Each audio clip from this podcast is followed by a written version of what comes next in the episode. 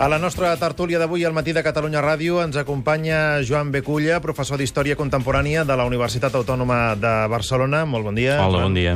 En Pere Rossinyol, que és periodista, coordinador de News a Mongòlia i Alternatives Econòmiques. Pere, bon dia. Bon dia. I en Jordi Borràs, fotoperiodista. Bon dia, Jordi. Bon dia. Avui la primera carpeta ens porta a parlar del sindicat d'ultradreta Manos Límpies, que es carallarà finalment contra la presidenta de l'Assemblea Nacional Catalana, Carme Forcadell, a qui acusa de sedició, després que aquest dimarts, aquí mateix, en aquest programa, Catalunya Ràdio, doncs, eh, la presidenta de l'ANC assegurés, parlant de la consulta, que qualsevol opció porta a trencar la legalitat espanyola perquè el govern espanyol no ho permetrà. L'argumentació de Forcadell coincideix al 100% amb la que ha fet sempre tant la direcció d'Esquerra Republicana com la CUP, com altres organitzacions independentistes. De moment, però, Manos Límpies ha anunciat eh, que la querella que està preparant és contra Carme Forcadell i prou. Tenim al telèfon Miguel Bernard, que és el secretari general de Manos Límpies. Bon dia, buenos días. Hola, días a todos vosotros y a los oyentes. ¿Por qué se creían ahora contra Karma Forcadell cuando también hay otros dirigentes políticos, otras asociaciones, pues que han dicho, si no lo mismo, similar a lo que ella expresó este martes en este programa? Quizás porque este, mar este martes Karma Forcadell dio un paso más adelante. Bueno, yo creo que la presidenta de la Asociación Nacional Catalana eh, o la Asamblea, mejor dicho, Asamblea Nacional Catalana, bueno, es la que lidera todo el, proceso independentista. Eh, las demás partes que conforman la sociedad civil van a remolque de ella. Eh, los partidos políticos, fundamentalmente los independentistas, se están amparando en que la acción política les permite bueno pues hablar de independentismo de, de hacer críticas al gobierno de la nación y eh, en el caso de Carmen Farcadell eh, yo creo eh, que viene liderando eh, desde hace ya bastante tiempo a la sociedad civil catalana. En el tema no solamente de organización como representante máxima de la sociedad civil en las famosas diadas, sino también en el referéndum previsto el 9 de noviembre. Creemos, objetivamente, después de analizar la trayectoria y las actuaciones de la presidencia eh, Carmen Forcadell, que eh, está incurriendo en un presunto eh, delito de proposición, de provocación y de incitación a la sedición. En principio, nuestro equipo jurídico había pensado eh, querellarse eh, por este delito que está tipificado en el 544 y en su conexión con el 548. Pero eh, hemos visto también que existe eh, otro presunto delito eh, que es el de asociación ilícita. Y el de asociación ilícita encuadra perfectamente en el artículo 515, apartados 1, 3 y 5 del Código Penal. Por lo tanto, la querella que va a presentar en manos limpias es en un doble sentido.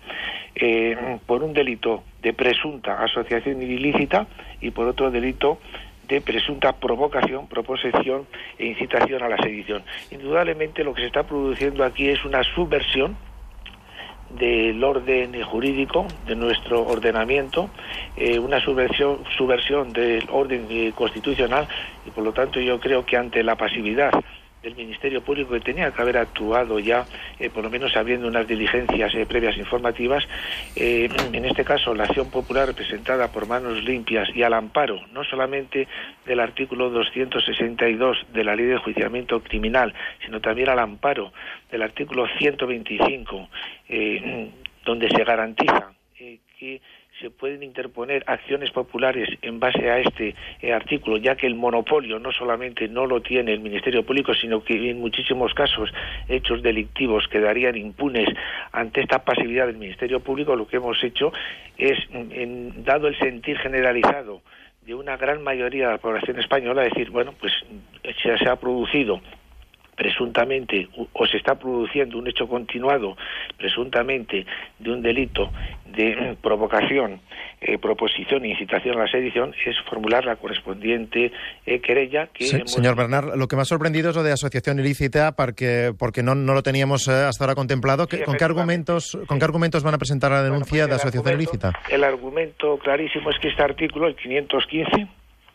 establece eh, eh, clara y tasativamente que aquellas asociaciones que tengan por objeto cometer algún delito o después de constituidas promuevan su comisión, eh, se consideran asociaciones ilícitas. También se consideran asociaciones ilícitas las que teniendo un fin lícito alteren la personalidad para su consecución. Y finalmente se consideran asociaciones ilícitas las que promuevan la discriminación, el odio contra personas, grupos o nacionalidades por razón de la pertenencia de sus miembros a, una, a un determinado Estado-nación. En cualquier caso, la, Asamblea Nacional Catalana defiende una idea política que es eh, avanzar hacia la, independencia, no, no defiende nada más. Pero con eh, ataques eh, violentos contra el gobierno de España y ataques violentos? de España y yo digo esto porque en estos momentos nosotros en la querella vamos a aportar vamos a aportar más de 100 testimonios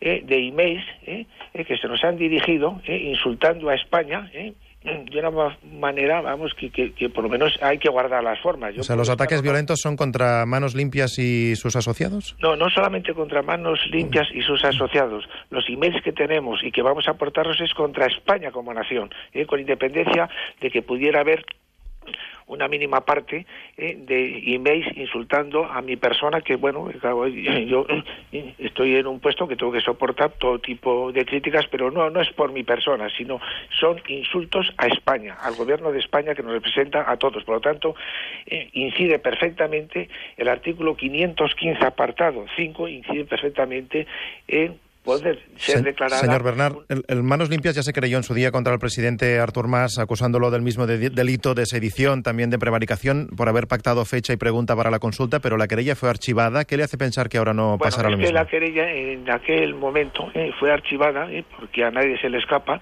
eh, que los tribunales superiores de justicia, no solamente en Cataluña, sino también en la Comunidad de Madrid y en todas las comunidades, están tremendamente politizados, depende de alguna manera de los ejecutivos de las comunidades autónomas y la sentencia que en aquel momento, digo, la sentencia que en aquel momento eh, se archivó de manos limpias contra Artur Mas, eh, pues tenía un marcado eh, cariz político. Y es más, en el fallo se decía que Artur Mas podía dentro de su actividad política y dentro del derecho a la libertad de expresión, poco menos que decir que va a declarar la independencia, que la consulta eh, del 9 de noviembre es legal, etcétera. O sea, fue una sentencia claramente política, eh, porque son sentencias claramente políticas las que dicta no solamente el Tribunal Constitucional, sino también el Tribunal Supremo y además eh, los tribunales superiores de justicia de todas las comunidades. Pero el Tribunal Constitucional no es sospechoso de favorecer a las intenciones independentistas de Artur Mas, eh, que se Constitucional sabemos también cuál es su parte alícuota eh, que corresponde al nombramiento de los principales partidos políticos de magistrados. El Tribunal Constitucional, desgraciadamente, en este país, aunque en un determinado momento haya podido no ser, llamémosle, generoso en el estatut eh, catalán eh, es tremendamente eh, está tremendamente politizado eso es un en, cualquier caso señor Bernat hemos visto que la, la política de manos limpias es presentar querella tras querella y al final ha habido uno de los querellados la oficina antifraude de Cataluña que también le van a presentar una querella a manos limpias muy bien y está en su perfecto derecho yo demostraré en sede judicial, ¿eh? cuando se me presente la querella, y luego demostraré a todos los medios de comunicación ¿eh? La documentación que tengo sellada de empresarios ¿eh? que han denunciado a la oficina antifraude casos de corrupción y la oficina antifraude ha mirado para otro lado. Por lo tanto, estoy perfectamente tranquilo, ¿eh? porque yo nunca me tiro ¿eh? a una piscina sin agua o desde un avión sin paracaídas. Tenemos los documentos que avalan que la oficina antifraude ha mirado para otro sitio en casos muy comprometidos y, por lo tanto, pienso demostrar en sede judicial y luego a los medios de comunicación la documentación que me avala de esas denuncias de empresarios eh, ante la oficina antifraude y que está por razones políticas y no eh, hizo absolutamente nada. A nosotros los periodistas siempre nos entra la duda cuando hablamos de ustedes, los definimos como sindicato, pero realmente al final su labor, como vemos, es eh, pues claramente judicial y política, ¿no? Pues realmente como sindicato, ¿qué, qué actividad tienen? Se nos califica de todo. De pseudosindicato, de ultraderechistas, de no sé qué, no sé cuánto. A mí, bueno, los calificativos no me importan en absoluto porque yo creo que por los hechos se demuestra lo que somos. ¿eh? Defensa de la legalidad vigente, del orden constitucional, no somos ni de derechas, ni de izquierdas, ni de centro. Somos respetuosos con la ley, con el Estado de Derecho y nosotros efectivamente también defendemos a los funcionarios y trabajadores en el sector público y en el sector privado. Muchas veces vamos eh, como sindicato a las elecciones sindicales de una manera eh, autónoma y otras veces en coalición con los sindicatos eh, independientes. Por lo tanto, creemos que también la labor que estamos haciendo de regenerar la administración pública de esa eh, corrupción está beneficiando también a toda la sociedad en general. ¿Cuántos afiliados tienen como sindicato? Mm, no llegan a 6.000, 5.850, por ejemplo. O sea, no llegan a 6.000. ¿Y que se les defina como de ultraderecha no, no les molesta? No, no, es que no lo somos. Es que a mí me, me nosotros, eh, eh, es que yo cuando se nos califica de ultraderecha digo, ponerme un ejemplo, ¿eh? ponerme un ejemplo de que somos de ultraderecha. Un, un solo ejemplo. ¿eh? Entonces, es que, y, no hay ni un solo ejemplo. usted tenía, tenía un pasado político, ¿no? Bueno, pero hay un pasado político. Yo creo que en este país todo el mundo, todo el mundo tiene derecho a evolucionar y a cambiar. Y si yo hace veintitantos años eh, milité eh, durante un año en un determinado eh, partido político, eso fue durante mm, hace veintitantos años. O sea, que reniega de, su pasado político. ¿Él? O sea, que reniega de, no, no, no, no reniego eh, de, mi pasado político. Eh. yo lo que estoy hablando que estamos ahora eh, en otra época, en otros momentos. no se puede uno remontar, pues no sé, al siglo pasado, a décadas pasadas. a las personas hay que juzgarlas por lo que están haciendo en un determinado momento mi trayectoria política fue muy efímera, muy efímera. Eh, yo fui secretario general del Frente Nacional y nos presentamos únicamente a las elecciones al Parlamento Europeo. Fracasamos rotundamente porque todos los votos se los llevó Ruiz Mateos y ese fue mi única actividad política. Y desde entonces yo no milito en ningún partido político eh, porque no creo no creo eh, tal como están en estos momentos los, estructurada la ley electoral los partidos políticos no creo en ellos.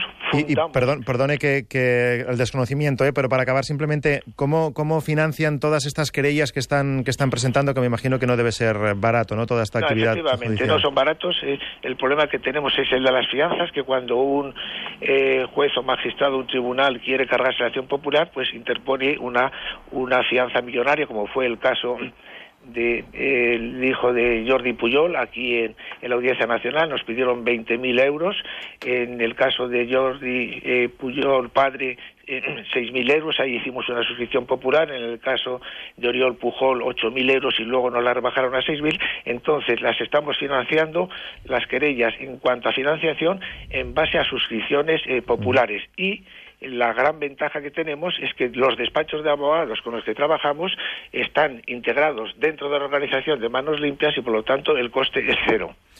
Muy bien, señor Bernard, por cierto, es, Pujol, eh, Pujol el, apellido del expresidente. Pues muchísimas gracias por atendernos. Buenos eh. días. Muchas gracias a ustedes.